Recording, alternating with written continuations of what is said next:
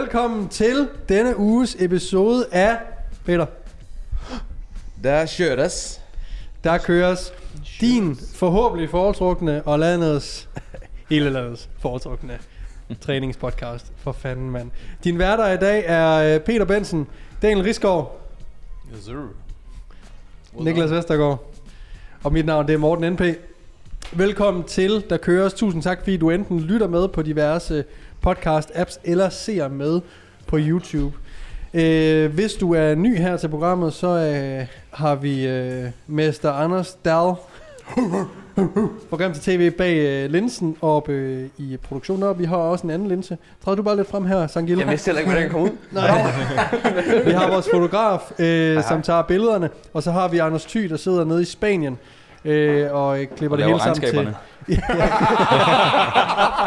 Så helt stoneface. Vigtigste mand her på holdet. Virkelig.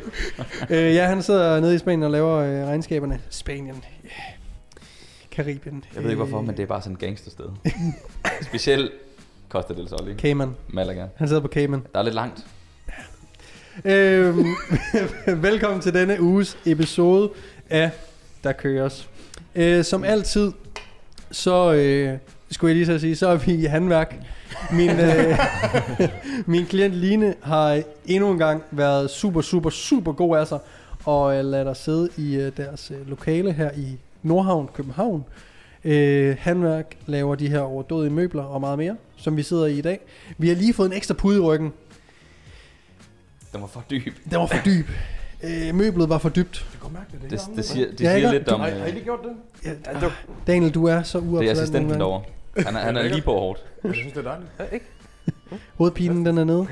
Ej, jo- stadigvæk hovedpine. Okay. Fuldt smadret hovedpine. Det er jo fordi, at møblet er jo designet til, øh, til hjemmet, ikke? Og Jo. ikke til en podcastproduktion. Så det, man, man sumper simpelthen ned og har det for godt.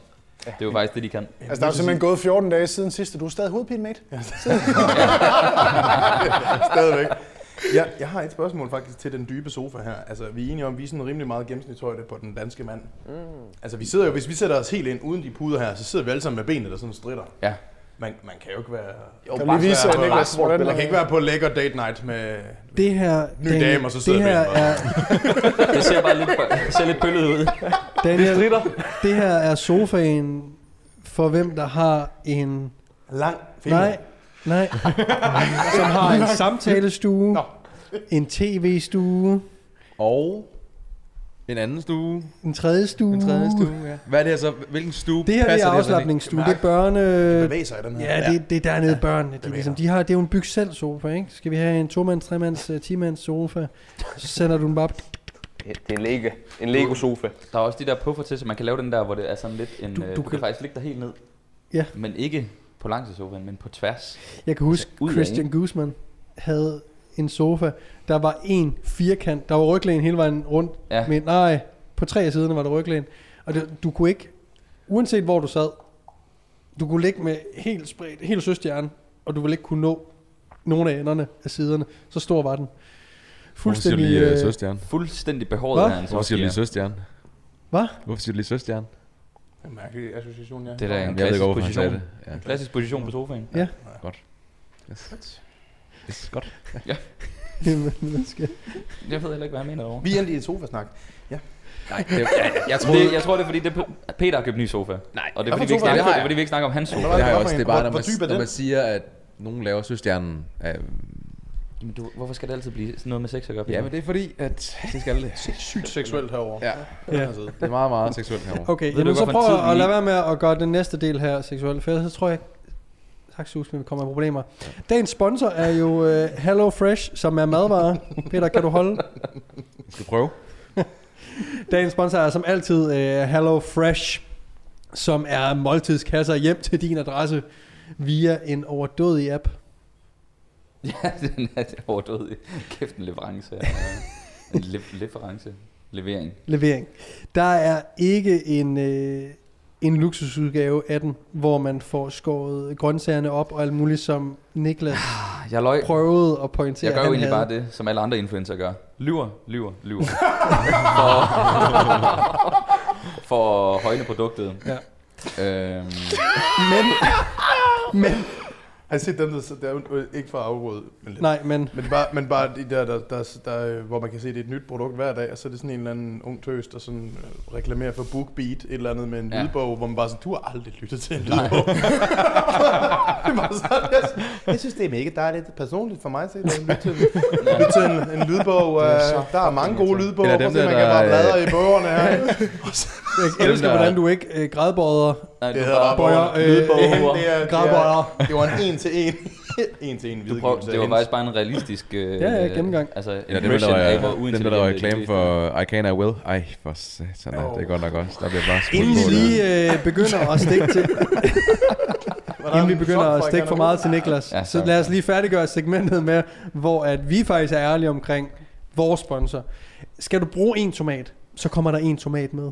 Ja. Skal du bruge to rødløg, så kommer der to rødløg med. De er ikke skåret ud. Og Men den- de er der. Det fede, skal du bruge et fed hvidløg, så får du et fed hvidløg.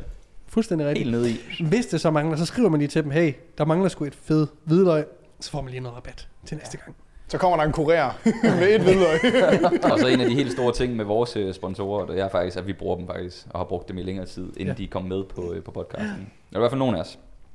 Øh, det Så- kan noget. Hvis I ikke har prøvet Hello Fresh endnu, og få måltidskasser hjem til jer og prøve at lave de her forskellige retter, øh, som er super nemme og lækre, så øh, prøv det og brug fit, øh, koden FITNESS og spar nogle øh, mons for jer selv. I kan spare op til 725 kroner på jeres første ordre, hvis I endnu ikke har prøvet Hello Fresh. Udover at I sparer penge, så støtter I også podcasten her, så vi kan holde det her show rullende. Oh, for det, det kører ikke så godt lige pt. Det er du godt nok ned og skarp. Øh, vi har jo måttet skære lidt, og det var jo faktisk øh, den reelle grund til, at Ibsen han var ude. Vi, vi, det var en omkostning, vi skar ud. Hvem, øh, hvem skal vi ud næste gang? Rest in peace. Er det øh, Jamen altså... øh, besluttet? Det er jo jeg over fra Jylland, der er dyrest. Det er bro, det er hoteller, det er ja. benzin. Jeg ved kraftigt ikke, hvad jeg ellers... Stripklubber. Ja. Hvad? Ja. Jeg er glad for, at øh, Peter, din uh, tur på Geranium, den blev aflyst, for jeg ved da godt, øh, at der, der ryger... Der var der lige røget en, en receipt afsted til Der det ryger der lige en der ryger lige en kvittering ind i min indbakke på et eller andet tidspunkt. Det er jo ikke, der køres regi. Altså det... Øh, Anders han sidder nede i Spanien og tænker, okay, der er fart på op i København- i København. ja, Så- den blev desværre aflyst. Ja. Men øhm, sådan er det. Det er jo hele årsagen til, at vi sidder i København for syvende gang i streg. Det var mig, der faktisk sagde, at jeg gerne ville have, at det skulle være i København, fordi jeg skulle videre på Geraniums. Ja, det plejer at være klub for studerende, men øh, den her gang var det restaurantbesøg. Ja, det var... Ja, præcis. Vi skal også snart til Jylland igen. Det skal Ja. Ja. Dagen, dagen savner ja. Ja, vi skal over i, øh, i min lejlighed på et tidspunkt, Ja. tænker jeg. det, øh, I er også velkommen i øjet, hvis I overgår det. Hvad for noget? I øjet, ikke? Hvor er det? Ja, Vi skal ikke til Odder. Det skal vi simpelthen ikke. Det er for fattigt. Vi skal Ude på resten. Nu ser vi lige noget hurtigt. Vi skal ikke til Odder. Det er orden. Er der, er der nogen fra Odder, der lytter med, så øh, giv lige lyd og meld jer ud af podcasten. Jeg ved ikke, om de har telefoner eller dækning i øjet. Ja, det er det. Ja, det har de Jeg har tjekket, der er rigtig dårligt net derude. Det er så stil. Det er er. Okay. Nå. Nå. Gang med dagens emne. Hvad er dagens emne? Hvad, hvad er vi på? Jamen, øh, Niklas, han, øh, hans DM, den gløder jo med spørgsmål. Fuldstændig. Hvor, hvor køber du dine guldsmykker? Hvor, øh, hvordan plejer du dit skæg? Hvordan er du blevet til den, du er? Og Hvordan øh, går du fra at bo i Skjern til at være sådan en mastodont af en øh, personlig coach i København? Legend. Altså, spørgsmålene tager ingen ende. Og du har så nøje udvalgt et omkring din øh, glødende succes herovre i Storbyen, og vil nu læse det op, eller hvad? Nej, det var overhovedet ikke den. Nå. Men øh, den kan vi også godt tage. Ej, det bliver for ensporet. Jeg havde forestillet mig en trænings, et træningsspørgsmål. Det var da en god idé. Det, det synes jeg også var en glimrende idé her på øh, træningspodcasten, der, der køres. Jeg synes jo bare, at du er fed. Det andet, det har de hørt så meget om, ikke? Jo. øhm, men øhm, hvis I er klar på lidt træningsmaleri, Er du derude, lytteren, er du klar på noget træningsmaleri? Kom så, boys. Let's go. hvad hedder det? Øhm, vi har fået et spørgsmål, der hedder... Øh, nu læser jeg det bare op, som det er blevet skrevet. Der er en, der spørger, øh, beslutning om, hvilken progressionsmodel man skal vælge. Kommer han med et eksempel, der hedder pull-ups. Du er nået til 3x5 via lineær progression med at tilføje en rep. Vil I fortsætte af samme boldgade, eller vil I benytte negative reps, weighted reps eller andet? Samme gælder i øvelser som squat, deadlift og bænk. Hvornår og hvorfor vil I vælge øh, en anden type progression? Øh, det kan både være i forhold til os selv, men også øh, måske klienter, der, øh, altså når I skifter progressionsmodel der? Altså hvor, hvorfor vælger I at gøre det? Eller vælger I overhovedet at gøre det? Eller kører I bare full on år øh, på år med den samme øh, model, hvis den virker? Det er nødt til at sige, det er et kæmpe stort spørgsmål. Fordi Mm. det handler om, hvorfor overhovedet lave øvelsesvariationer i hele træningsregi. Ja. Det er der, vi er. Og rep schemes. Jeg, Skal vi tage jeg, jeg, tænker, jeg tænker, at den her den er jo nok lidt i forhold til styrke. Jeg, jeg vil lige sige inden, fordi jeg synes det også lige, vi skal... Der er også stor forskel på en pull-up og en squat. Ja. I den forstand, at den største øh, forskel på pull-up'en og mange af de andre øvelser, der bliver øh, henvist til, er, at pull-up'en kan du ikke helt styre belastningen lige så nemt, som du kan i så mange andre øvelser. Så der er lige sådan nogle andre ting, man skal skrue på, for at blive ved med at se Men bliver der ikke taget udgangspunkt i, at vedkommende kan lave 3x5, eller hvad? Jo, jo. Ja. Jo, det var så også det er bare et ligesom eksempel. udover, altså, ja. Jeg tror, jeg tror, det er fra et styrkemæssigt perspektiv. Nej, det er vi jo ikke helt. Fordi du kan jo ikke i en, hvis du gerne vil se øh, progression i en squat, så kan du godt have høje rep dage og lave rep dage eller og så videre. Og hvis 3 sæt af 5 i en pull-up er det du max kan, så er, du rigtigt? stadig der, meget så er der begrænset. Ja, ja, det er der. Så, så Men man- når vi har med crossfit-øvelser at gøre, Ja. så er der bare en naturlig begrænsning i forhold til belastningen. Ja, ja. Med mindre, der er Øh, med mindre at man kan lave Ja. 50, ikke? Men så er der også, som, øh, som Dan siger, en pull-up. assisted pull-up, ikke? Hvis du kan fuldstændig, hvis Ja. du skal imitere bevægelsen 100% og køre høj rep dage, så kan du lave assisted pull-ups. Chin-ups. Ja. Men stadig, du skal stadig holde styr på din egen kropsvægt, så jo. Ja, ja. På dagen, du laver dem. Hvis, Ja. det, hvis det skal være helt præcist. Jeg siger bare- Linjer, ikke? Jeg siger bare, at inden man besvarer spørgsmålet, skal man måske lige tage udgangspunkt i, hvad det er for en slags øvelse, inden man besvarer. Jeg tror, vi uh, puller mig bare et eksempel. Jeg tror, at han siger også, samme gælder i øvelse som squat, dødløft og bænkpres. Så jeg tror, det er styrkebaseret. Jeg kan godt komme med sådan en generel en, som jeg gør for, øh, og hvorfor jeg gør det. Altså, så uden det, fordi det kan, det kan virkelig gribe om sig, som Daniel også siger. Ikke? Men godt Okay, prøve at holde jeg- sådan lidt generelt, og det gør jeg på alle øvelser. Jeg, øh, jeg kan også lige definere den lidt mere. Ja. Hvornår vil I skifte progressionsmodel med en klient? Og hvorfor? Men det var vel også øvelsesvariant? Nej, det behøver det ikke. Stod der ikke det? Nej. Ikke øvelsesvariant. Sådan det er helt- kun progressionsmodellen. Helt overordnet, så, så kommer det jo, man kan selvfølgelig lave sådan nogle, øh, hvis man har nogle online klienter, så kører det sådan lidt, så får de ofte fast nyt program hver fjerde uge, så den, den kører bare sådan lidt. Men hvis man sådan skulle kigge på det, så skulle det egentlig bare være, hvornår rammer dit plateau, mm. og Mm. et plateau kan, er jo, det kan jo, typisk så har du også en, en faktor som motivation indover, ikke? Øh, men men øh, så, så man se, hvornår, hvornår begynder deres progression ligesom at, at stagnere, øh, og hænger, den hænger ofte sammen med, med motivation, ikke? Så motivationen for noget falder også, når man kan se, at progressionen stille og roligt falder. Så giver det mening ligesom at, at, at skifte. Men nogle skifter for hurtigt, fordi at, at, at den ene eller anden årsag, hvor de måske med fordel, fordi de har hørt, at de skal skifte program hver tredje uge, Mm. hvor jeg bare ser, at nogle gange, så kan man fortsætte i fjerde, femte, sågar sjette eller syvende uge, og stadigvæk se samme progression. Og så er der faktisk ingen grund til at ændre, ændre model, før man begynder at opnå det her plateau, mm. Vil jeg sige. Sådan helt grundlæggende, ikke? I bruger jo meget øh, kilo strength progressionerne lige nu. Eller periodiseringen, ikke? Mm. Øh, det er jo 12 uger, før en cyklus er færdig, ikke? Men hvornår, hvis så sådan en cyklus har kørt fint, Jeg kører faktisk ikke øh, tre ugers, øh, jeg skifter ikke. Det, er jo så, det kræver, at du skifter hver tredje uge. Mm. Det gør jeg ikke med ret mange. Det kræver rigtig høj træningserfaring, før man Ja. makser ud på progressionen der, eller rammer et plateau. Ikke? Enig. Desto højere træningserfaring du har, Ja. desto hurtigere vil du kunne adaptere til den nye stimuli, og få maksimalt ud af den, og have Mm. mm. behov for en ny stimuli. Ja. Men hver tredje uge, øh, ja, så har du meget høj træningserfaring, vil jeg sige. Hvis du, Du, du skal i hvert fald også længe have haft øh, erfaring, måske køre noget lineær progression med dem i en længere periode. De skal, sådan, de skal lære deres, deres sådan arbejdsthreshold. De skal virkelig være gode til riger og vurdere riger, hvis Ja. ja. man skal have succes med det der. Hvad så hvis I har sådan en grønskolding? Har I så et script i forhold til øh, periodisering og progressionsmodeller? Øh, modeller? Mm. har I ligesom sådan, okay, du har trænet i du har trænet i 6 måneder, det har sådan set været fornuftigt nok, det du har lavet. Hvis vi starter, så er der ikke så meget, øh, altså hvis vi skal gøre det så god som overhovedet muligt, så er der ikke så meget lystbaseret lige nu. Så gør vi, hvad jeg siger, agtigt, ikke? Hvis vi bare tager den. Har I så et script, der hedder, jamen så gør vi, vi kører simpelthen lineær progression, indtil at du har svært ved at blive stærkere. Og så begynder vi at kigge i andre modeller, eller hvad? Eller hvordan griber I det an? Øhm, det kommer an på. Øh, for det er igen i forhold til, til motivation, selvom de kan se, at de bliver stærkere osv., så, så har de lyst til at prøve nogle, nogle andre ting, de har lyst til at ændre nogle ting. Øh, det kan være, at man bare ændrer øh, øh, gentagelser, øh, tempo osv. Ikke? Mm. Øh, men, men, men ja, så det kan sagtens være, at selvom man, at, fordi motivation er stadig en super vigtig faktor, og de, vil måske, de har måske 12 ugers forløb ved en, så vil de gerne nå at, at prøve at komme nogle ting igennem. Så der er også nogle ting, man skal tage højde for der, ikke? Øhm, Ja, selvfølgelig i forhold til, hvad de søger. Ja. Vil de bare være så gode som muligt, eller kommer de faktisk for at lære ting, som de Præcis. kan bruge bagefter? jeg vil sige, ofte hvis de kan se, at de, at de bliver ved med at lave en progression, så kommer den der lyst til at blive i programmet der. Mm. Den er der sådan lidt øh, meget naturligt. Øh, Ja. Men det er ikke altid, og nogle gange så må man ændre tingene lidt. Øh, Vil du sige noget, Daniel? For ellers så, jeg, jeg kom lige i tanke om, at ham, der skrev, han skrev jo faktisk også, at øh, nu, han havde et mål om at køre 3x5 i pull-ups. Så ramte han det mål, og så kom han ville så hoppe over i noget øh, eccentriske chins, weighted chins eller et eller andet. Så det, der var faktisk lidt med øvelsesvalg, som du var inde på, Det Daniel. Ja, det, det glemte jeg faktisk lige at sige. Så har I også... Så det er øh, super bredt. Ja, det kan være super, super bredt. Så, så min tanke er, at øh, vi tilfører en slags stimuli, strain af gangen.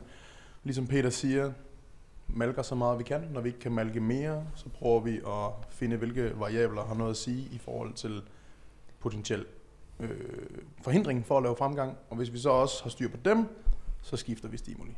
Så det er sådan, så det vil sige, hvor lang tid holder du fast ved, at du bare laver rep progression på dine pull-ups. Det gør du indtil, at du oplever, at du stagnerer med måske kun en uge, måske flere uger i streg. Fordi det kan godt være, at mens du laver pull-up progression, at, øh, at du siger, at det er fedt, det alting kører, når du så kommer til et punkt, hvor du ikke længere laver pull-up progression, så kan det være, så tænker du, åh oh, fuck, nu er jeg stagneret, men du, sta- du laver måske stadig progression på noget accessory arbejde. Så det kan også godt bare være fordi, at ophobningen af øh, fatigue er højere, så du ville egentlig i teorien have lavet progression på din pull-up, hvis det ikke var fordi, du havde lavet så meget progression på dine andre rygøvelser. Så der, der er også noget der, man skal holde styr på. Så hvor vil jeg hen med det? Du, du skal ligesom have alle variabler med ind i, i, i regnestykket, og så se, okay, men kan det være at grund til at stagnere på, den her øvelse, er fordi jeg har en anden øvelse, der er for taxerende. Hvad er dit hovedmål? Det er pull-up. Okay, måske skal du se, når du stagnerer, kan jeg måske fjerne lidt øh, horisontalt træk og lave lidt mere vertikalt træk. Kan jeg måske lave noget, er mere specifikt for det. Så i stedet for at du ændrer selve pull-upen, så ændrer du bare det omkringliggende arbejde, der rammer samme muskelgrupper. Det kan være noget. mm. Men så derfra, så tror jeg bare, at man skal have generel indsigt i periodisering og programmering, så man sådan ved, at hvis man kommer op og, hvis man makser ud på 3 sæt af 5, hvordan kan vi progressere derfra? Det kan være, at man så vælger at sige 5 sæt af 3, men til gengæld tilfører lidt vægt. Det er en ny stimuli, øget intensitet. Når du har gjort det en periode, så kan det være, at du går ned til 3 sæt af 5 er normalt 15 gentagelser. Efter du har kørt, lad os sige, dine weighted øh, chin-ups af 5 sæt af 3, så går du måske til 4 sæt af 4 med bodyweight prøver at sige, stige i reps der, og så man kan sådan køre weighted og bodyweight på skift. Det er bare et eksempel på, hvordan man ligesom kan tilføre ny stimuli. Mm. Men du skal sådan fra starten af sige, okay, hvilke parametre skal være opfyldt, før jeg laver en ændring. Og det kan være, at man starter med at max ud, og så finder man ud af, hvilket omkringliggende accessory arbejdet har noget at sige. Når vi så så styr på det, justerer det til, så det er mere specifikt mod målsætningen. Hvis du så stadigvæk stagnerer, så er planen følgende, gå til weighted chin-ups eller eller andet. Så jeg tror, der, der er mange sider af sagen, ting der skal kigges på, før man ændrer stimuli. Altså nu kan jeg, min klientbase er jo lidt mere over i... Der er i hvert fald mere et større element af lystbaseret træning, end måske hos jeres klienter. Fordi jeg tror, i og med at de er en, en takt mere seriøse, og mange af dem måske stiller op, så gør man mere, hvad der er behov for, og ikke hvad man har lyst til altid.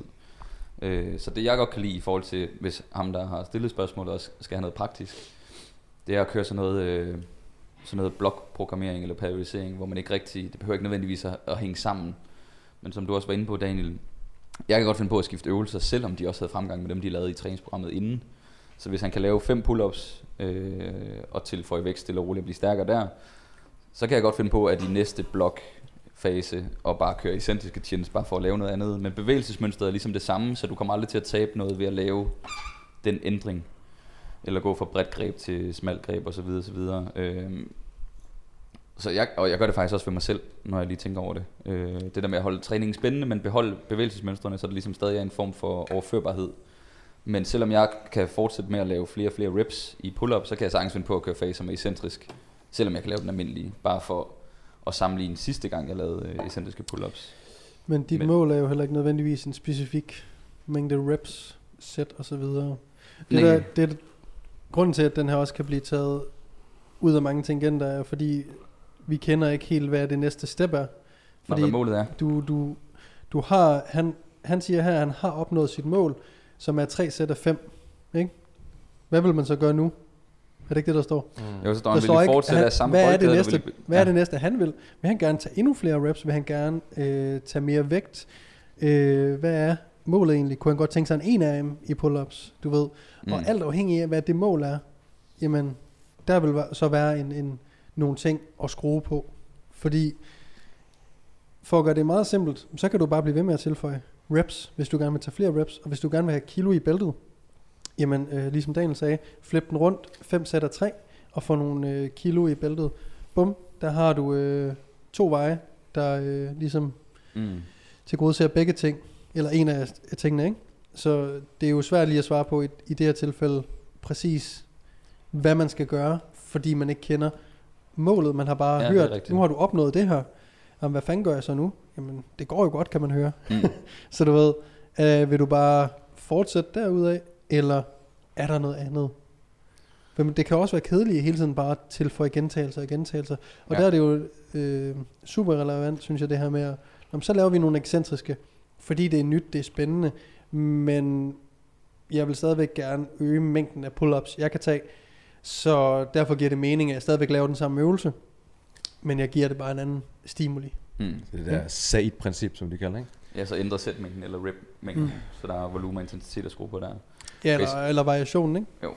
Ja, så take home er der er, ikke, der er ikke nogen regler som sådan, og hvad du gør som det næste step i din programmering, det handler mere om, hvad målet er. Om det er at blive stærk i pull-ups, eller om det bare er at have, have det sjovt med træning og vide, at ryggen udvikler sig. Mm. Skal man give dem lidt konkret med, måske? Det, Ja, det kunne man bare godt. Ja, ja, ja endelig. endelig. Øhm, så øh, ligesom jer, så kører jeg også en cyklus af fire mesoer, og de fire mesoer har så øh, strategisk øh, er placeret, øh, og der er forskellige fokus, som vi også snakker om for, for lang tid siden. Mm. Så den første, første har ligesom fokus på øh, strukturel balance, øh, og der kan man stadigvæk godt køre, køre en chin-up indover. Øh, der kan være noget med, at ens accessory arbejde så er mere unilateralt og så videre, for ligesom at udligne øh, eventuelle strukturelle ubalancer, men der er stadig en chin-up med, fordi det det, skal være god til.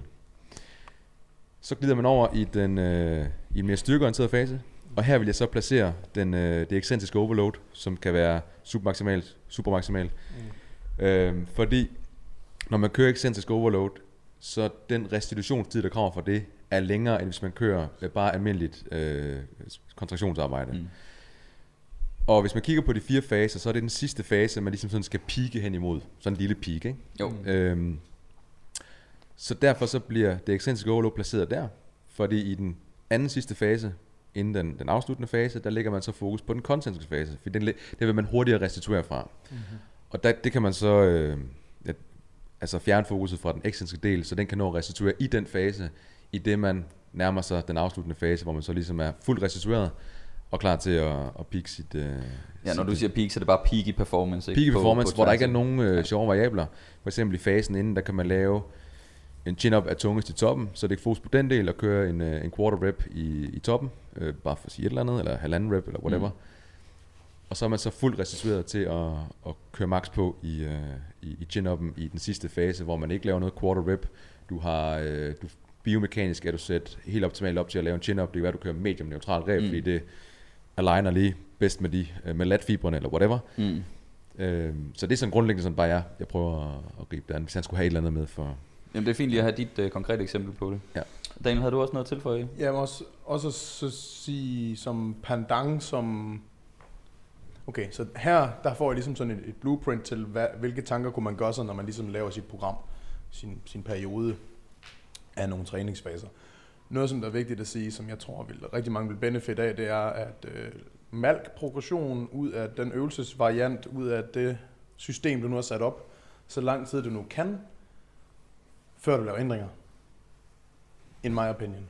Fordi oftest så ender man med, at man, desto hyppigere du laver ændringer, jamen typisk så er det det her med, at du når aldrig rigtigt at, at få det fulde ud af den her øvelsesvariant. Så prøv nu at, selvom at det er spændende at lave nye øvelsesvarianter hele tiden, så kender vi også godt typen, der laver et nyt program hver uge.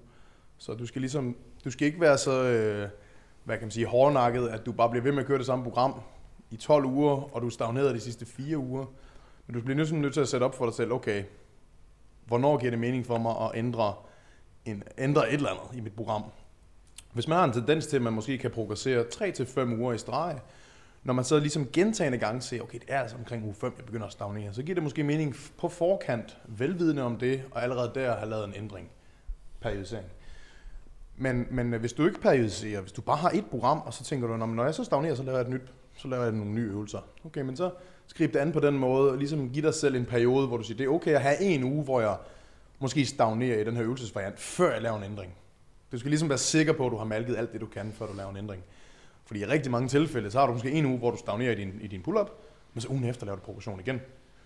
Så for at du som løfter også forstår, at du skal være tålmodig med din træning, der er ikke altid progression hver uge, så er det altså okay, at du engang imellem har en uge, hvor du stagnerer. Ja, det er ikke altid det programmets skyld, at du stagnerer. Det kan være, at du har sovet helvede til, du ikke får nok at spise, Ja. ja. Ja, whatever, ikke? Altså vent med at lave ændringer for hyppigt, Ja. er nok min tanke. Ikke? Øh, uden, bare lige sådan helt, det er nemt at forholde sig til. Om hvad for en variation du laver, det gælder bare om at tænke, i forhold til pull-up, matematik. Vi skal samle så mange gentagelser som muligt, hvis dit mål er at blive god til så mange gentagelser. Så i stedet for at køre 3 sæt af 5, kan du køre 5 sæt af 3, eller du kan køre øh, 6 sæt af 4, eller der, der, der er mange måder, man kan gøre det på. Og det er jo egentlig bare, det er bare matematik, hvordan man gør det. Men hvilken variant du vælger, det handler om at få noget indsigt i, hvordan fungerer øvelser, hvilke fordele er der ved excentrisk arbejde, koncentrisk arbejde osv. Det er meget bredt, vil jeg sige. Ja, og, Ja. Peters model er måske også lidt mere nørdet, ikke? Jeg tror, det er de færreste, der tænker over restitutionsniveauet efter en øh, centrisk øh, pull-up-fase. Og så Jeg tænker, tror, man kan, man hvad? kan mærke, at ømheden er noget voldsommere. Ja, der er jo en Ja. højere grad af muscle damage i, Ja. ja. i langsom ekscentrisk arbejde. Ja. Men jeg tror, at dem, der lytter med, sidder nok ikke og tænker, jeg har lavet ekscentrisk arbejde. Der er noget med restitutionsniveau, og tænker sig, ved du hvad, jeg laver nej, det her i den her Men fase. det, jeg tænkte, det var en nem ting lige at, at få med. Ja, okay, jeg skal lige have en fase imellem den fase, og så den, Ja. ja. hvor jeg sådan rent faktisk peak. Det var egentlig mere bare det, jeg prøvede sådan at... Men Men mindre, med at lave ekstrinsisk arbejde lige op til, at du gerne vil peak din... Ja, men mindre du deloader imellem de to faser. Ja, ja, men så, så er det så mere, hvad er så at samle gentagelser? Altså, der er nogle flere ting, man måske skal, Mm. skal have med i. Hvad, hvad er mest optimalt øh, i, Ja. sidste ende, ikke? ja, ja. Helt generelt, så hvis du vil performe rigtig, rigtig godt i et koncentrisk øh, miljø, hvis du er i en øvelse, hvor det er vigtigt for dig at være god koncentrisk, så, så lad være med at have super langsom ekscentrisk arbejde i samme fase. Det, det er bare fatigue af helvede til. Mm. Ja. Det var i hvert fald to eksempler på, øh, hvordan man kunne gøre det. Ikke? Øh, har du noget til for Det er fedt, når I gør det der. Bare lige det på at komme ind, når jeg, når jeg klipper det her til Anders. Det er det er mega fedt. I gør det her. Fedt. Altså, vi er ret fede jo, så. Ja, nu. ja, nemlig. Jamen, det er, det er godt. Havde du, øh, hvad plejer du at gøre, Morten?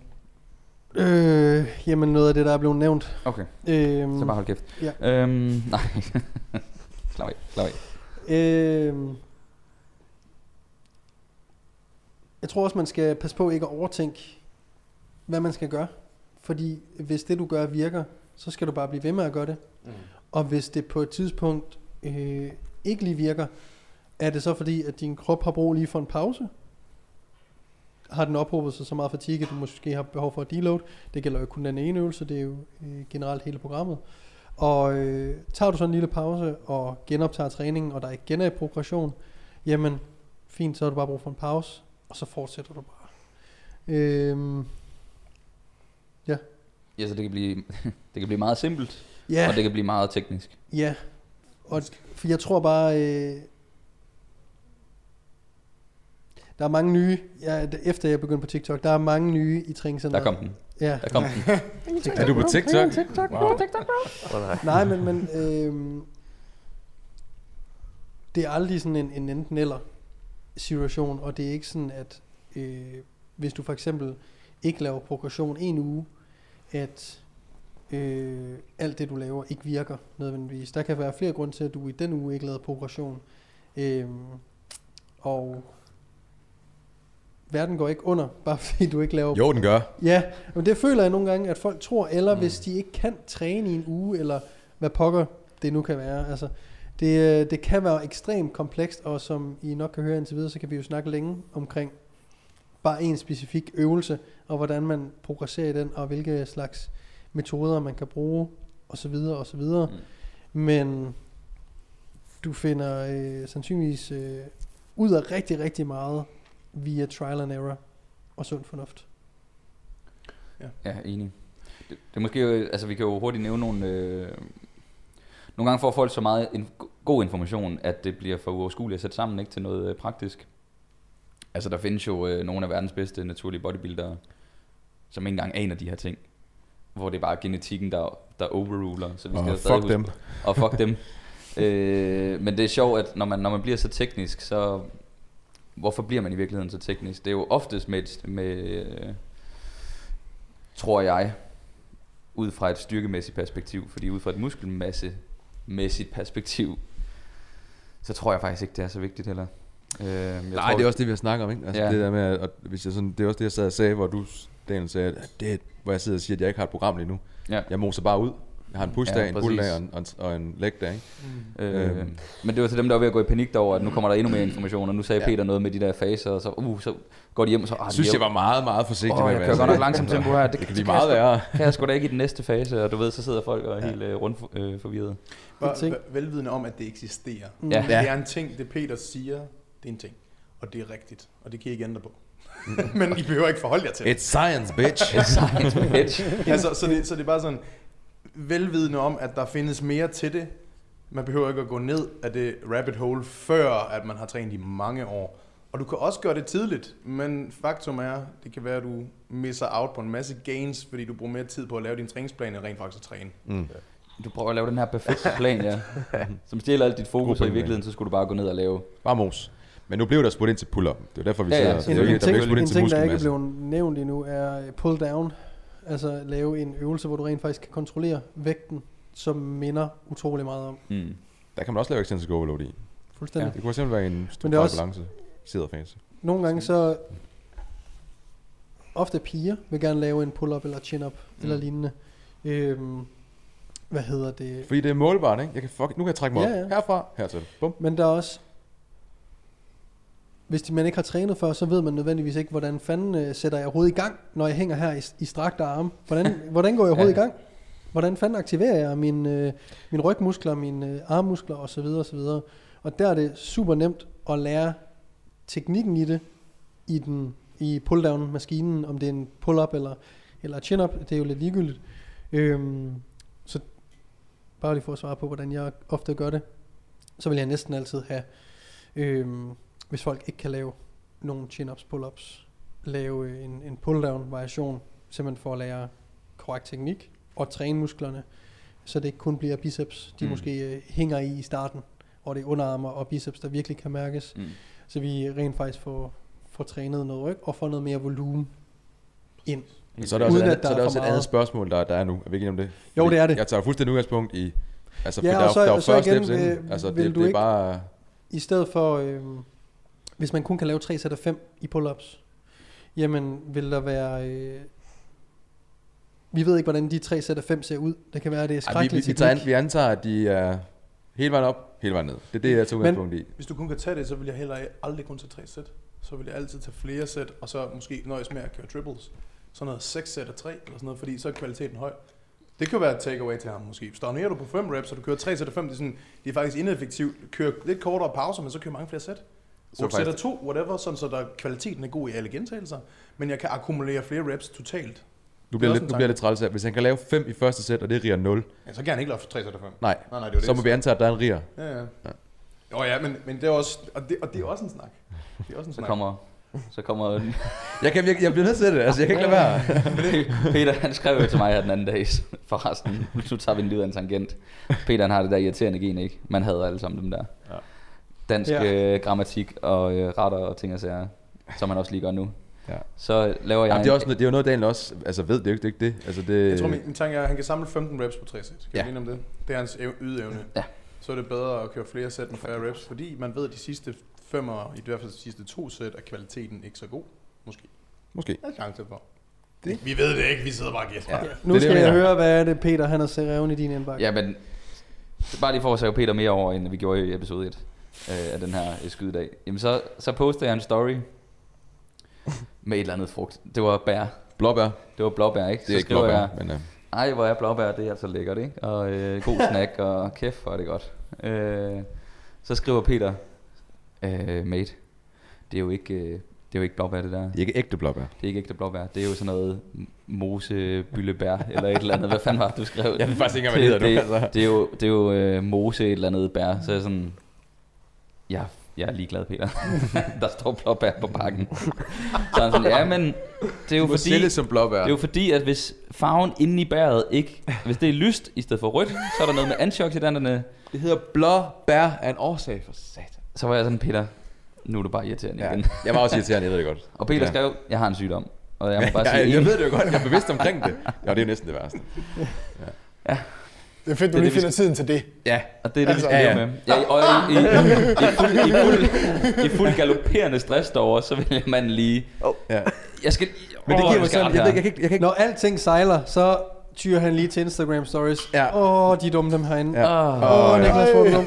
Men Det er ikke et blom. Vi skal, men, prøv at tænke på, hvor meget jeg sidder og holder igen med. Det, det ved jeg jo ikke. Altså, åh.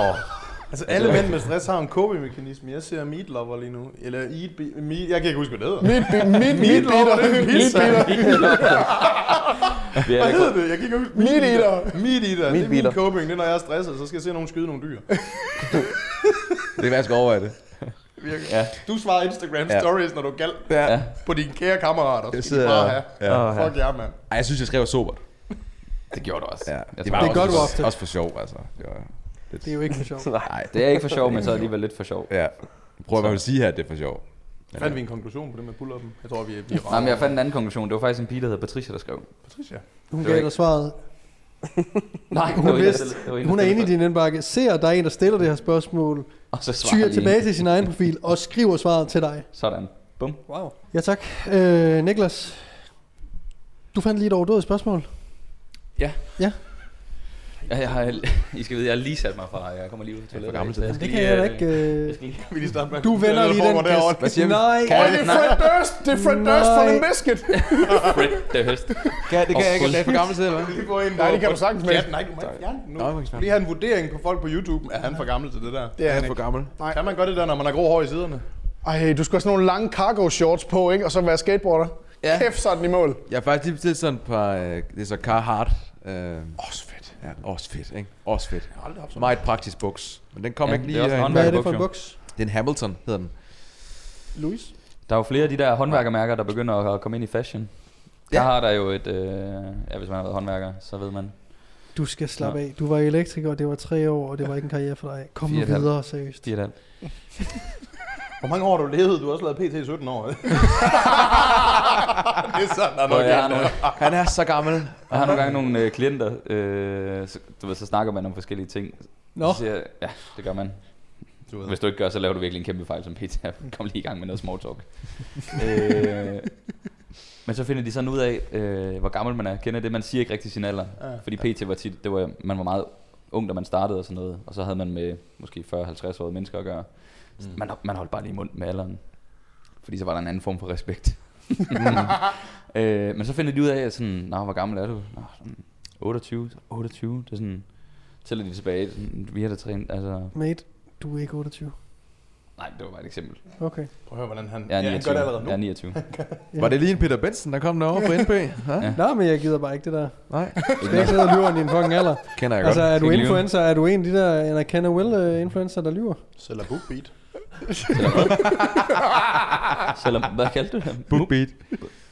Det aner jeg ikke, hvad? Sælg nu den. Niklas, han Og læser bord. elsker bare de der, hvor jeg... Nå, Ja, det er godt. Nå, Undskyld. anyways. Øh, når man så nævner man øh, PT, og man har jo sådan sagt tidligere, hvor lang tid man lavede det. Man har været 16 år. håndværker. Du ved, Man havde lige en karriere på Daisy i en årgang, og lidt forskellige ting. Så er de lige sådan, hold da op.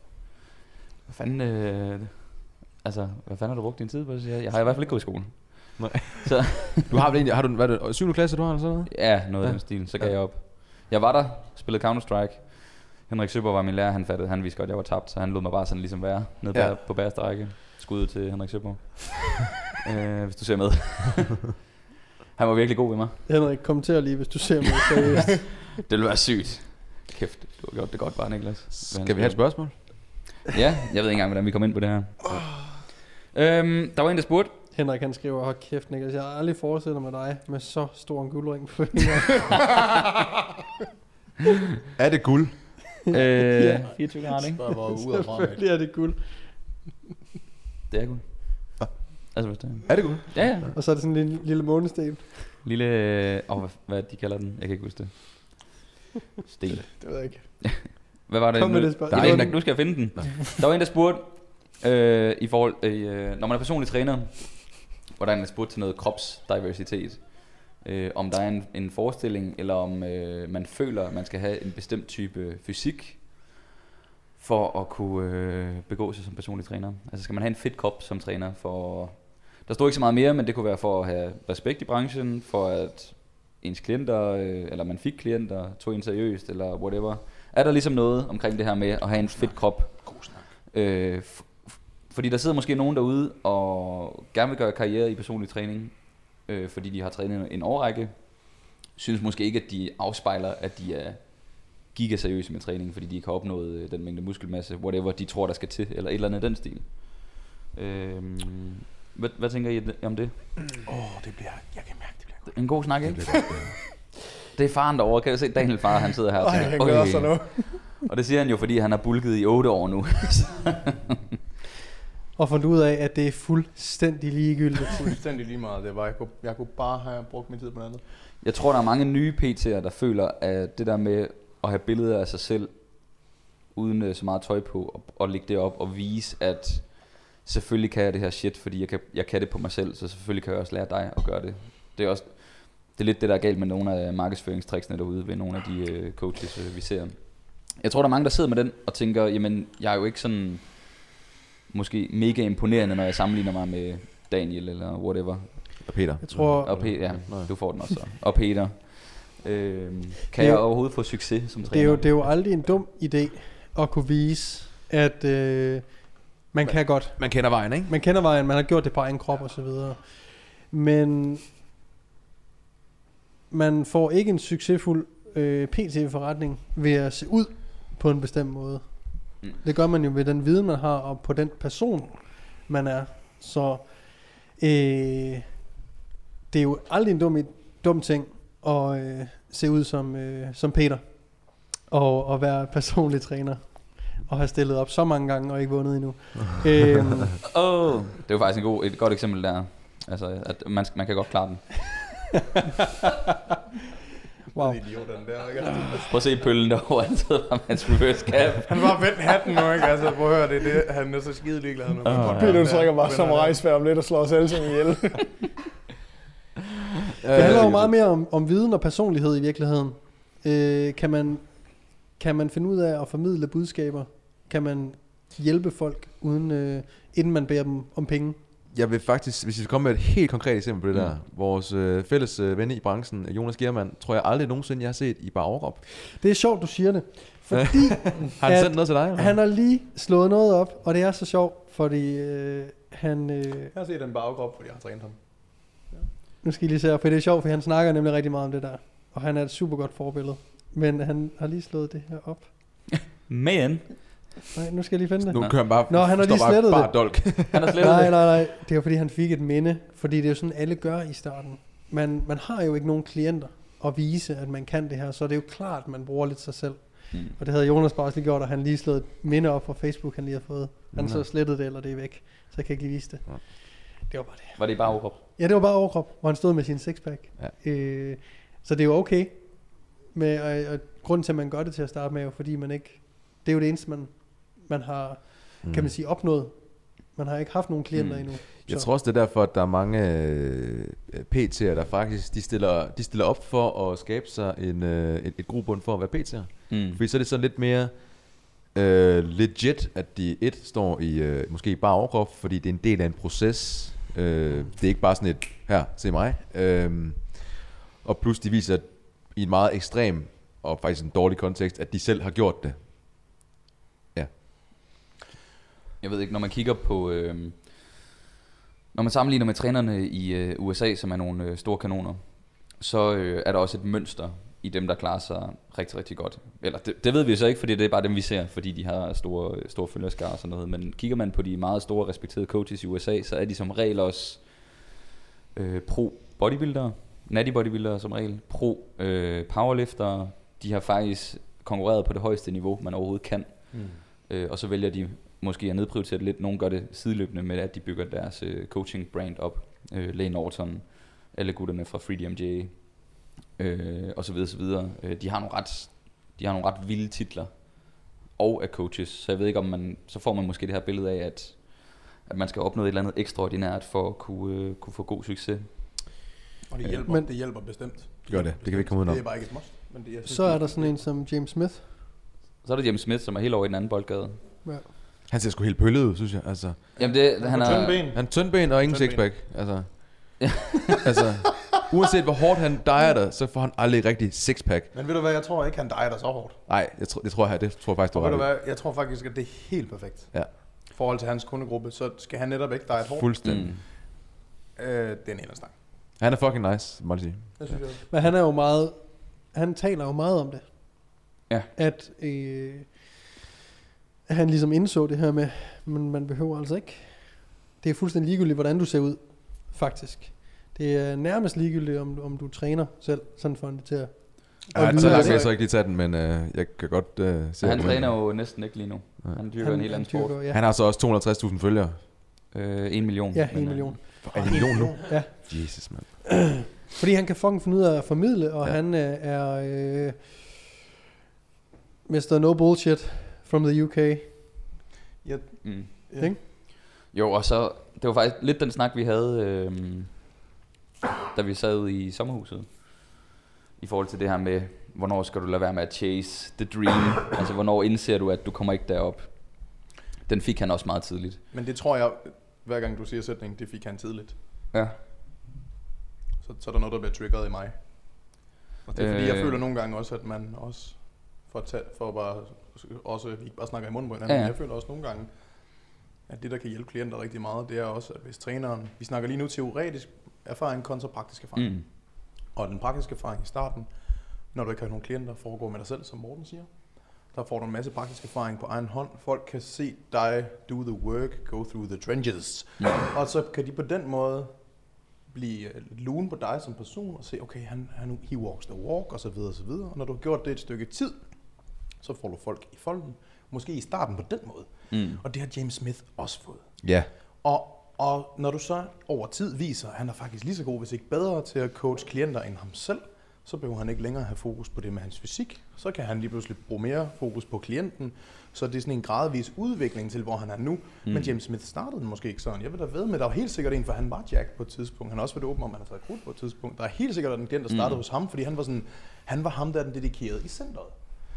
Så når man, når man som ny personlig træner kigger på James Smith og siger, at han postede ikke fysikbilleder, Jamen, så behøver jeg heller ikke. Det, jeg, siger, jeg siger ikke, du skal poste fysikbilleder, men der var en proces, hvor James Smith fokuserede meget på hans egen proces. Mm. Og der, der var en hel masse ground, som James Smith nu fortæller, ikke er så vigtigt. Mm. Men faktum er, at han, han, han fik faktisk selv klienter på en anden måde til at starte med, og det var det, der ligesom var, var starten på det hele. Ikke? Og over tid, så kan han nu stå her og sige det, han siger. Mm. Så jeg føler, det er misinformation nogle gange, at de siger, det er ikke vigtigt, fordi det er jo sådan, du til- tiltrækker din første klient. Det var også en del af deres egen proces, som du siger. Ja, det var klar, der gik forbi for helvede. Nå, Altså, Morten sidder og vinker til dem, der ikke lige følger med på YouTube. Og vi sidder alle sammen og undrer os over, hvorfor han er blevet så evnesvag. man kan, sidder. det var klart at komme ud på den anden side glasset. kan I se det, hvordan det, husk nu på, at, at det kan også hurtigt blive den her med, jeg føler nogle gange, når folk har et stærkt budskab, de gerne vil frem med, et stærkt budskab, som sådan stikker lidt ud, så glemmer de at fortælle hele sandheden. Det er nemt for ham at sidde og sige nu i hvert fald. Ja, det er sådan, han, han, har, det er ikke sandheden, det Nej. er ikke sådan, han har startet op, Nej. og det er faktisk for os alle, at vi startede op på en anden måde, ligegyldigt hvor Yes. meget vi gerne vil i talesæt, at du behøver ikke selv træne, for det er jo rigtigt nok, hvis du bare kan vise det, hvis du kender teorien og så videre, så, videre, så kan det blive godt, men det er bare ikke sådan, det starter typisk, så er der noget, hvor du ligesom danner dig selv i træningscenteret, og du lærer ligesom alle den praktiske ting, så, så du også har noget, til, noget nu- praktisk viden Nu trække snakker, vi jo, øh, nu snakker vi jo undervisning i træning versus udseende. Jamen det er også, ja, ja, men øh, udseende, okay, det forstår jeg, men, men. Mm. der er jo bare noget praktisk erfaring, der skal til, før du kan få x antal udseende. Nå, men det jeg mener, det er, at, vi, at spørgsmålet gik kun på udseende, og ikke, øh, ikke performance, eller hvor god du... Nej, nu blander jeg tingene sammen måske. Det er fordi, det lyder som om, at du, når du siger, at vi er i træningscenter og sådan noget, så, så er det jo for at lære the craft of personal training, ikke? det var det ikke til at starte med. Til at starte med, der trænede vi bare for vores egen skyld. Mm, Men det er det, der har gjort, at vi fik vores første klienter. mm. Og så har det så udviklet sig, ikke? Jo, jo, helt sikkert. Mm. Helt sikkert. Så Engel? Nu kommer spørgsmålet med det der med udseendet kontra persontræner, øh, om man skal være hakket. Mm. Kan man sådan helt konkret, hvis man nu ikke er, øh, scene klar, øh, og kan poste billeder af sig selv, ikke har nogen klienter, man kan poste billeder af. Hvordan starter man op, hvis man nu ikke er øh, ja, helt atletisk? Hvilket content skal man fokusere på? Ja, tak. Ja. Nu vil jeg gerne lige give et kæmpe skud til, øh, hvad jeg tror øh, er Fitness Worlds bedste investering nogensinde. Mathias Hostrup. Ja. Hmm. Fordi at, øh, hvordan fuck starter man med at være PT? Den nemmeste måde, og især hvis du er på Sjælland, så bliv, øh, blive ansat i Fitness World som personlig træner. Det jeg ser, de fleste øh, personlige trænere i Fitness World gør lige nu, de gør alle sammen det samme, men det er forskelligt. De er meget på, og jeg ved ikke om det er Mathias, øh, der har sagt det her til dem, men det er sådan, man gør det, hvis man spørger mig. De deler deres dag. Øh, jeg har klienter på det her tidspunkt, øh, jeg står op på det her tidspunkt, så har jeg en konsultation, så har jeg min egen træning, så viser jeg, hvad jeg gør til min egen træning. Øhm, øh, så stod jeg måske i receptionen lidt, whatever. Man filmer de klienter, man nu får igennem Fitness World. Man kommer ind i et maskineri, der gør det nemmere for en at få klienter, således at, at man kan vise og promovere, hvad man kan igennem at lære fra sig, i stedet for, hvad man har gjort selv. Mm. Og der er, uanset hvordan du ser ud, så vil du altid kunne lave træningscontent, der er værdifuldt for andre mennesker. Mm. Uanset om du er en lille smule overvægtig som personlig træner, eller du er tynd som et siv, mm. og kun har trænet et år. Du vil altid kunne give et eller andet basic. Det kunne være, hvad gør den brede stang i pull-down kontra den, det smalle håndtag. Det kan være så basalt som det, eller det kan være en teknikvideo i forhold til dødløft. Har du givet samme øh, tip til en, af, en du er lidt mentor for? øh, det her tip giver jeg til alle. Ja, ja, jo, okay. Men øh, jeg følger jeg tilfældigvis vedkommende og kan se, at en til en, det du sidder og siger. Ja. Ja. Folk køber, øh, nu kan jeg ikke huske, hvem det er, der fanden der siger det her. Så øh, det, det er jeg lidt ked af, at jeg ikke kan citere, øh, eller sige, hvem det er, jeg citerer her. Men folk køber ikke coaching, de køber coaches. Så de køber ind på den personlighed, man har. Mm-hmm. Og jo mere, og det er jo ligegyldigt, hvordan du ser ud, og det er jo det, er det man skal prøve at se, om man kan vise, og det er derfor, man skal vise sin hverdag, fordi at det er jo, den er jo altid være anderledes fra en anden. Mm. Det kommer jo også... Øh, må du være til, vil du tilføje noget til det? Nej. Ellers så har jeg bare lige en ekstra detalje også, som vi selvfølgelig bliver nødt til lige at have på banen. Men når man har fundet ud af, hvad for en type klienter man gerne vil arbejde med, så laver man også post, der er rettet til det. Mm-hmm. Så når Daniel og Peter sidder og siger, at det måske er vigtigere end, nu siger jeg bare, end mig og Morten synes, i forhold til udseende, så er det nok fordi, de har flere klienter, som skal stille op til konkurrencer. Derfor ser det bedre ud på papiret, at man selvfølgelig selv har været til konkurrencer, har den erfaring, har set ud på en bestemt måde, så man ved, hvordan det fucking føles på egen krop at gøre det, fordi det er lidt mere ekstremt, ikke? Mm. Jeg tror, du får, jeg tror ikke, du bliver en super god coach, øh, og, og skal, hvis du skal have folk med til konkurrencer, og du ikke selv har prøvet det. Det tror jeg ikke. For du forstår det ikke. Mm. Ligegyldigt. Du kan ikke læse dig til, hvordan det føles at være i de sidste måned på en prep. Du kan godt læse det af helvede til, men det kan jo betyde mange ting, ikke? Hvor at hvis man skal coache her fra Danmark klienter, så betyder udseende nok ingenting. Det kan godt være, man ikke, jeg ved ikke, hvis man sidder overvægtig, kan det selvfølgelig godt være, at det sender et forkert signal. Øhm, men om ikke andet, hvis man så har haft en fortid, som du også siger, Daniel, hvor man så bare har skiftet retning, prioriteterne er anderledes, øh, jamen så er det måske ligegyldigt. Ja, og jeg tror, at det er nemlig det, der er pointen. Det er det, der er Ja. Det handler om segmentet, det handler om klientellet. Men jeg tror også samtidig, ved, ved hvad jeg har, jeg har tænkt lidt over, hvor nu refererer jeg igen til Mark Jespersen, vores kære kollega. Det med, at han kommer ind, velplejet mand, midten af 40'erne, pænt trænet, flot brystkasse, gode arme. Han er den personlige træner, hvor man kigger, okay, det er en personlig træner midt i 40'erne. Han holder sig godt. Han er sund og rask. Han gør det, han selv prædiker. Der er også et, et, et eller andet element, jeg ikke lige helt, jeg kan ikke helt placere det, men hvor jeg mener, det er ret vigtigt som træner. Mm. Bare fordi, at det giver bare noget, når han så siger, det jeg gør, hvis han bruger sig selv til sine klienter, når han står og snakker med dem sådan mellem sætningerne, det jeg gør der, jeg kan godt lide at stå op om morgenen og få noget frugt sammen med min kop kaffe, så er de sådan, ah, okay, det virker for ham. Ja. Hvis Mark han nu stoppede med at træne, falmede lidt udseendeswise, så har det ikke den samme rungende effekt, når han siger, det Præcis. jeg gør om morgenen er.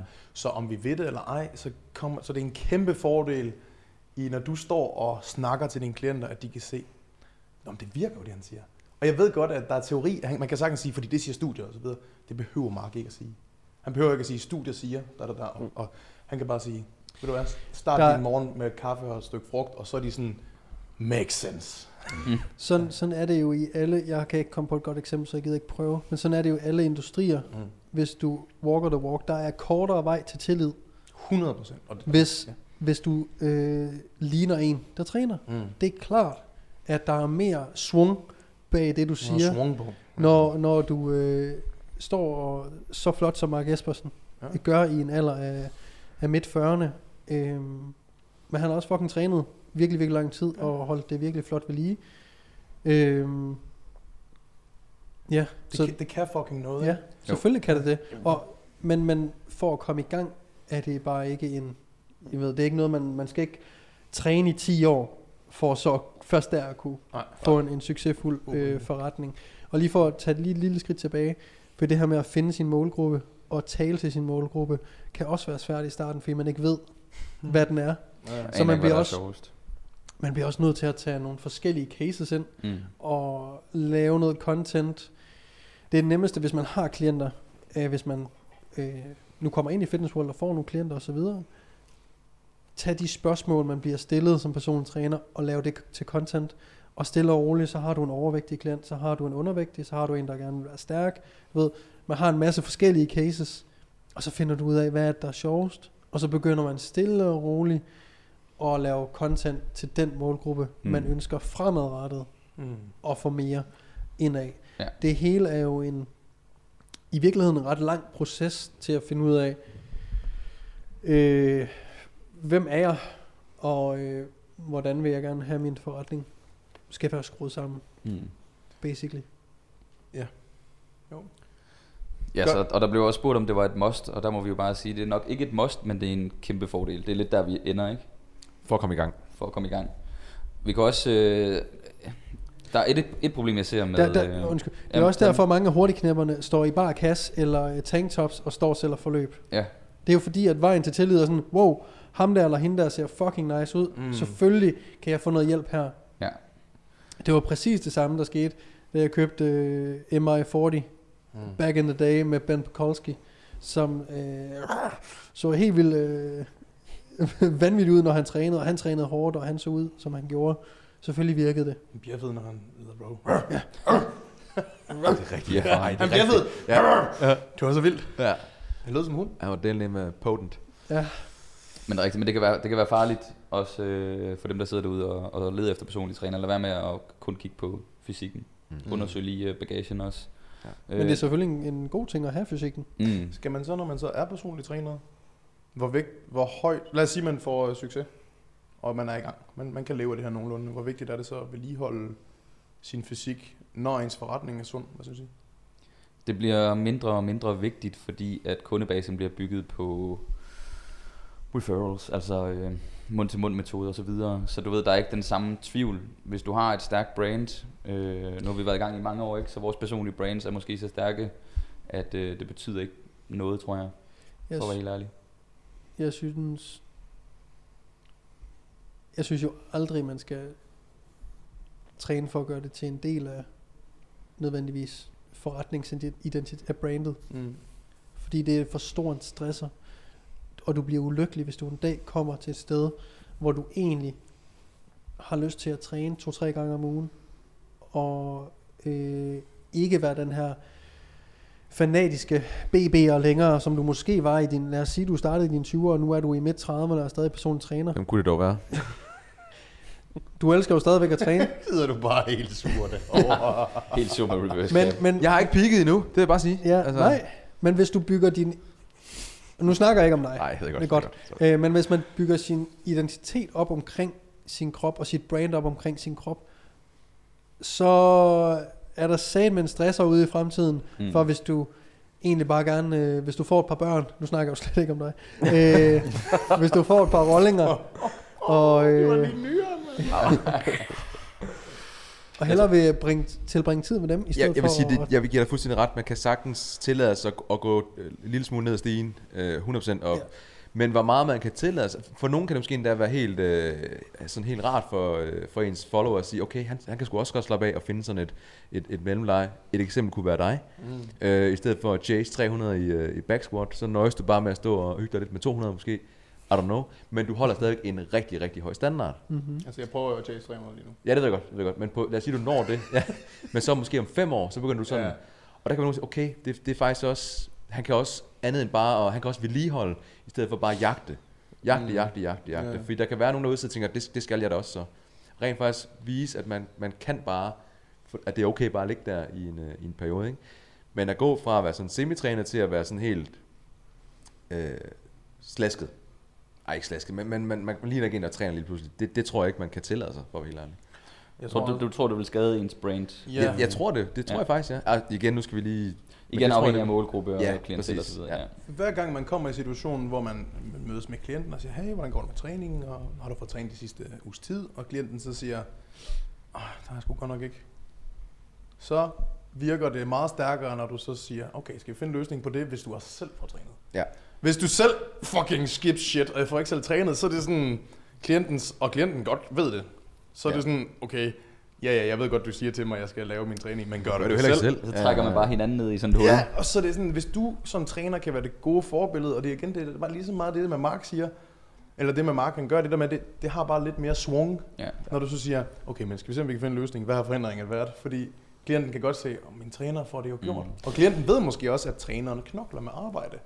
Og så er man lige pludselig gode forbillede, der tager sig tid til sin træning og sin Mm. sundhed. Så jeg tror, at, at det er lidt et ansvar, du har som træner. I hvert fald at få trænet, i hvert fald at holde sig fysisk aktiv. Ja. Hvordan du ser ud er ligegyldigt. Det kan være, at man begynder at lave fucking calisthenics, eller begynder at løbe eller eller andet. Så fysisk udseende er faktisk måske ligegyldigt, men det der med, at du får trænet, holdt dig sund, aktiv, spiser fornuftigt, ja. er lidt dit ansvar som træner.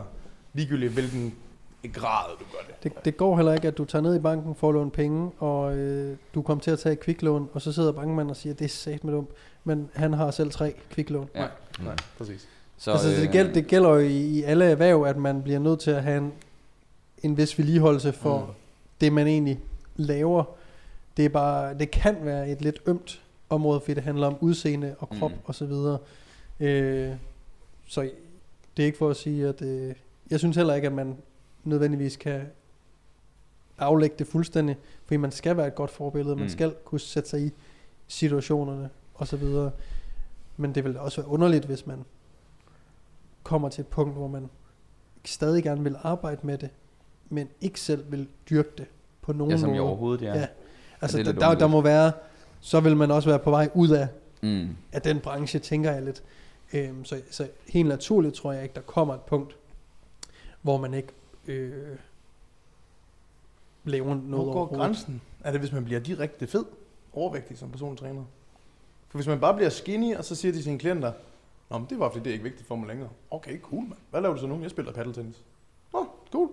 Altså, på, måske, Ja, ja, det tror jeg er fint. så det, men hvis du bliver sådan, øh, lad os sige, på den gode side, der er ordentligt bildæk, du... Øh, Couch potato og... er- altså, kan vi sætte en... Men det der er, også, der, er andre, der være en grænse et eller der er andet også nogle andre ting, man kan tage ind i, ind i konteksten der. Hvor aktiv er de på sociale medier med at, at snakke om træning og snakke om studier og ting og sager. Hvis det også sådan begynder at fade væk, så, så er det jo øh, så, så, det, så det er ligesom, der, der er flere ting, der kan, der kan påvirke, hvor højt man prioriterer det her træning her. Mm. Øh, så det kan sagtens være, at fysikken lige tager den knockdown, hvis man så snakker endnu mere om træning og altså gennem sine, øh, sine kanaler, ikke? Så, så vil Ja. det jo holde det op på en eller anden måde. Ikke? Men vil man tænke over som træner, når man laver content, der handler omkring, hvordan får du mest ud af din træning, hvis du selv har taget 20 kilo på?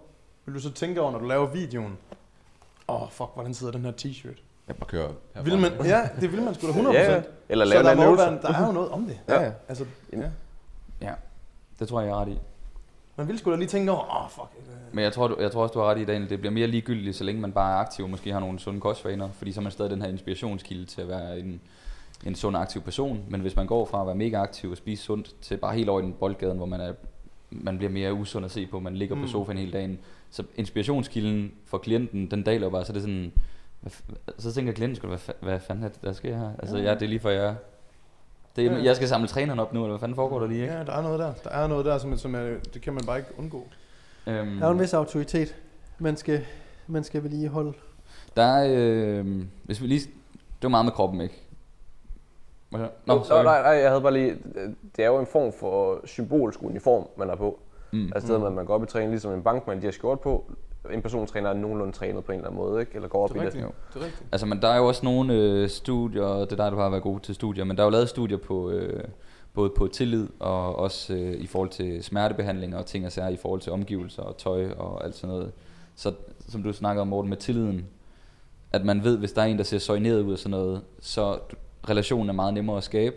Hvis man arbejder med smerter, så ved man, at hvis rummet er mere behageligt at være i, så kan du fikse smerter øh, langt hurtigere, end hvis du er i en betonklods. Ja. Der har man lavet studier med planter, øh, vinduer og sådan noget. Det var ikke en skid med behandling at gøre, det handlede bare om, hvor fedt er lokalet. Ja. Lidt sjovt, ikke? Mm. Øhm, så sådan nogle studier findes der, så det er ikke ligegyldigt. Fordi som du siger med Mark også, dufter godt, soigneret, tøjet er skarpt og vasket og strøget måske, eller whatever. Når folk kigger på det, så er de bare sådan, åh, han har styr på hans shit, ham der. Det er i hvert fald farvekombineret. Ja, du øh, ved, sko matcher med cap og lige med logo Ja, på t-shirten og sådan noget. Ja, ja. Det gør han Så meget. det er, Ja, ja, han gør. Men han har også et klientel, som er meget business. Og de der businessfolk har også høje forventninger til sig selv. Så han taber også bare ind i hans egen målgruppe der, ikke? Ja. Det er sådan, han træner. Han kommer ind med en uh, powerbank, hvis de skal oplade telefonen. Han Ja. har en vand med ind til dem. Præcis. Ja, han kræser. Okay, Store, han kræser. store, ja, Nej, men, og det er det, han kan, og det er det, han kan, som han slet ikke snakker højt om. Det er de der ting, han bare har adapteret over tid. Den her klient kommer altid et kvarter, et kvarter for sent, det vil sige, jeg bliver nødt til at have en eller anden form for opvarmning i vores træning, fordi klienten varmer ikke op først. Altså, det er bare sådan nogle ting, sådan unspoken off, han Mm. ved det bare. Og Det er sådan nogle små detaljer, man lægger mærke til, når man har gået og været ham i noget tid. Så man Ja. sådan, det her det er bare secret tricks, fordi du har været PT i 15-20 år, eller hvor lang tid han nu har været ja, ja, PT. det er ret fedt. Så, øh, Han tænker måske heller ikke selv over det længere. Så hvis man spørger det gør ham, han bare. øh, så er det ikke noget, han tænker over, at han bør sige, som et godt råd. Det er bare sådan, om det, Han var sådan, det gør er I ikke det, eller hvad? Ja, præcis. Åh, oh, okay. Det er Ja. sygt nok, at I stadig er klienter så.